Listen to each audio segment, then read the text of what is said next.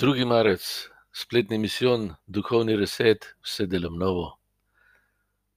Slabega zla, ki se ga storim, ne morem izbrisati. To z leti človek vse bolj ve in se zaveda, vsak izmed nas.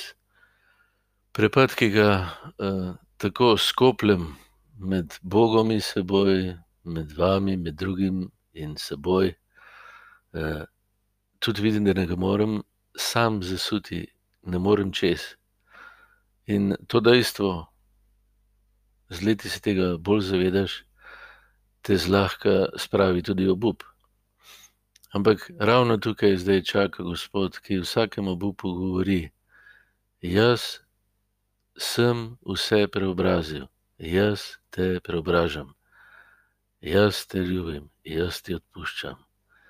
Eh, čeprav bi bili tvoji grehi rdeči kot škrlat, bodo postali beli, kot sneg. Vemo, da sneg pokrije barvo in vse pobeli, da se sveti, da iskri. Eh, če smo pošteni, Gospod ne pokriva, ne zakriva kot sneg. Je pa dejstvo, da nas preobrazi, kje, kje nas najbolj najde, tam, kjer smo najbolj doma, v odsotnosti od njega, v grehu, se pravi, tam, ko se gremo sami Boga na hudičev način on iz našega greha, se pravi, te samote, bivanske ujetosti v posameznost, v strah zase, naredi priložnost, da nam samega sebe da in nam pokaže, da nas ljubi, nam vrne dostojanstvo, sinovi hčera, nam vrne bratstvo, eh, sestrinstvo, da smo polni življenja. Zato Izrael s takim nadušenjem govori, da bodo naši grehi postali beli, kot sneg. To je Bog obljubil, že v stari zavezi, v Kristusu je pa to tudi že uresničeno.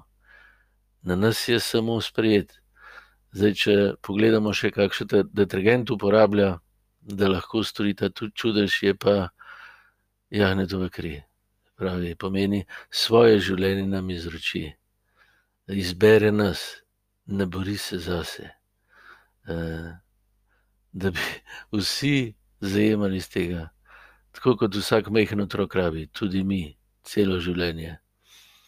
Uh, torej, ta njegova obljuba, ki je uresničil, ni nekaj lahkega, pa zlahka, ga je stala krvi, ga je stala trpljenja, ampak v ljubezni to vse je zajeto v ustajenje. Zato lahko reče: Vse delam novo, vsem boste prepoznali mojo lepoto.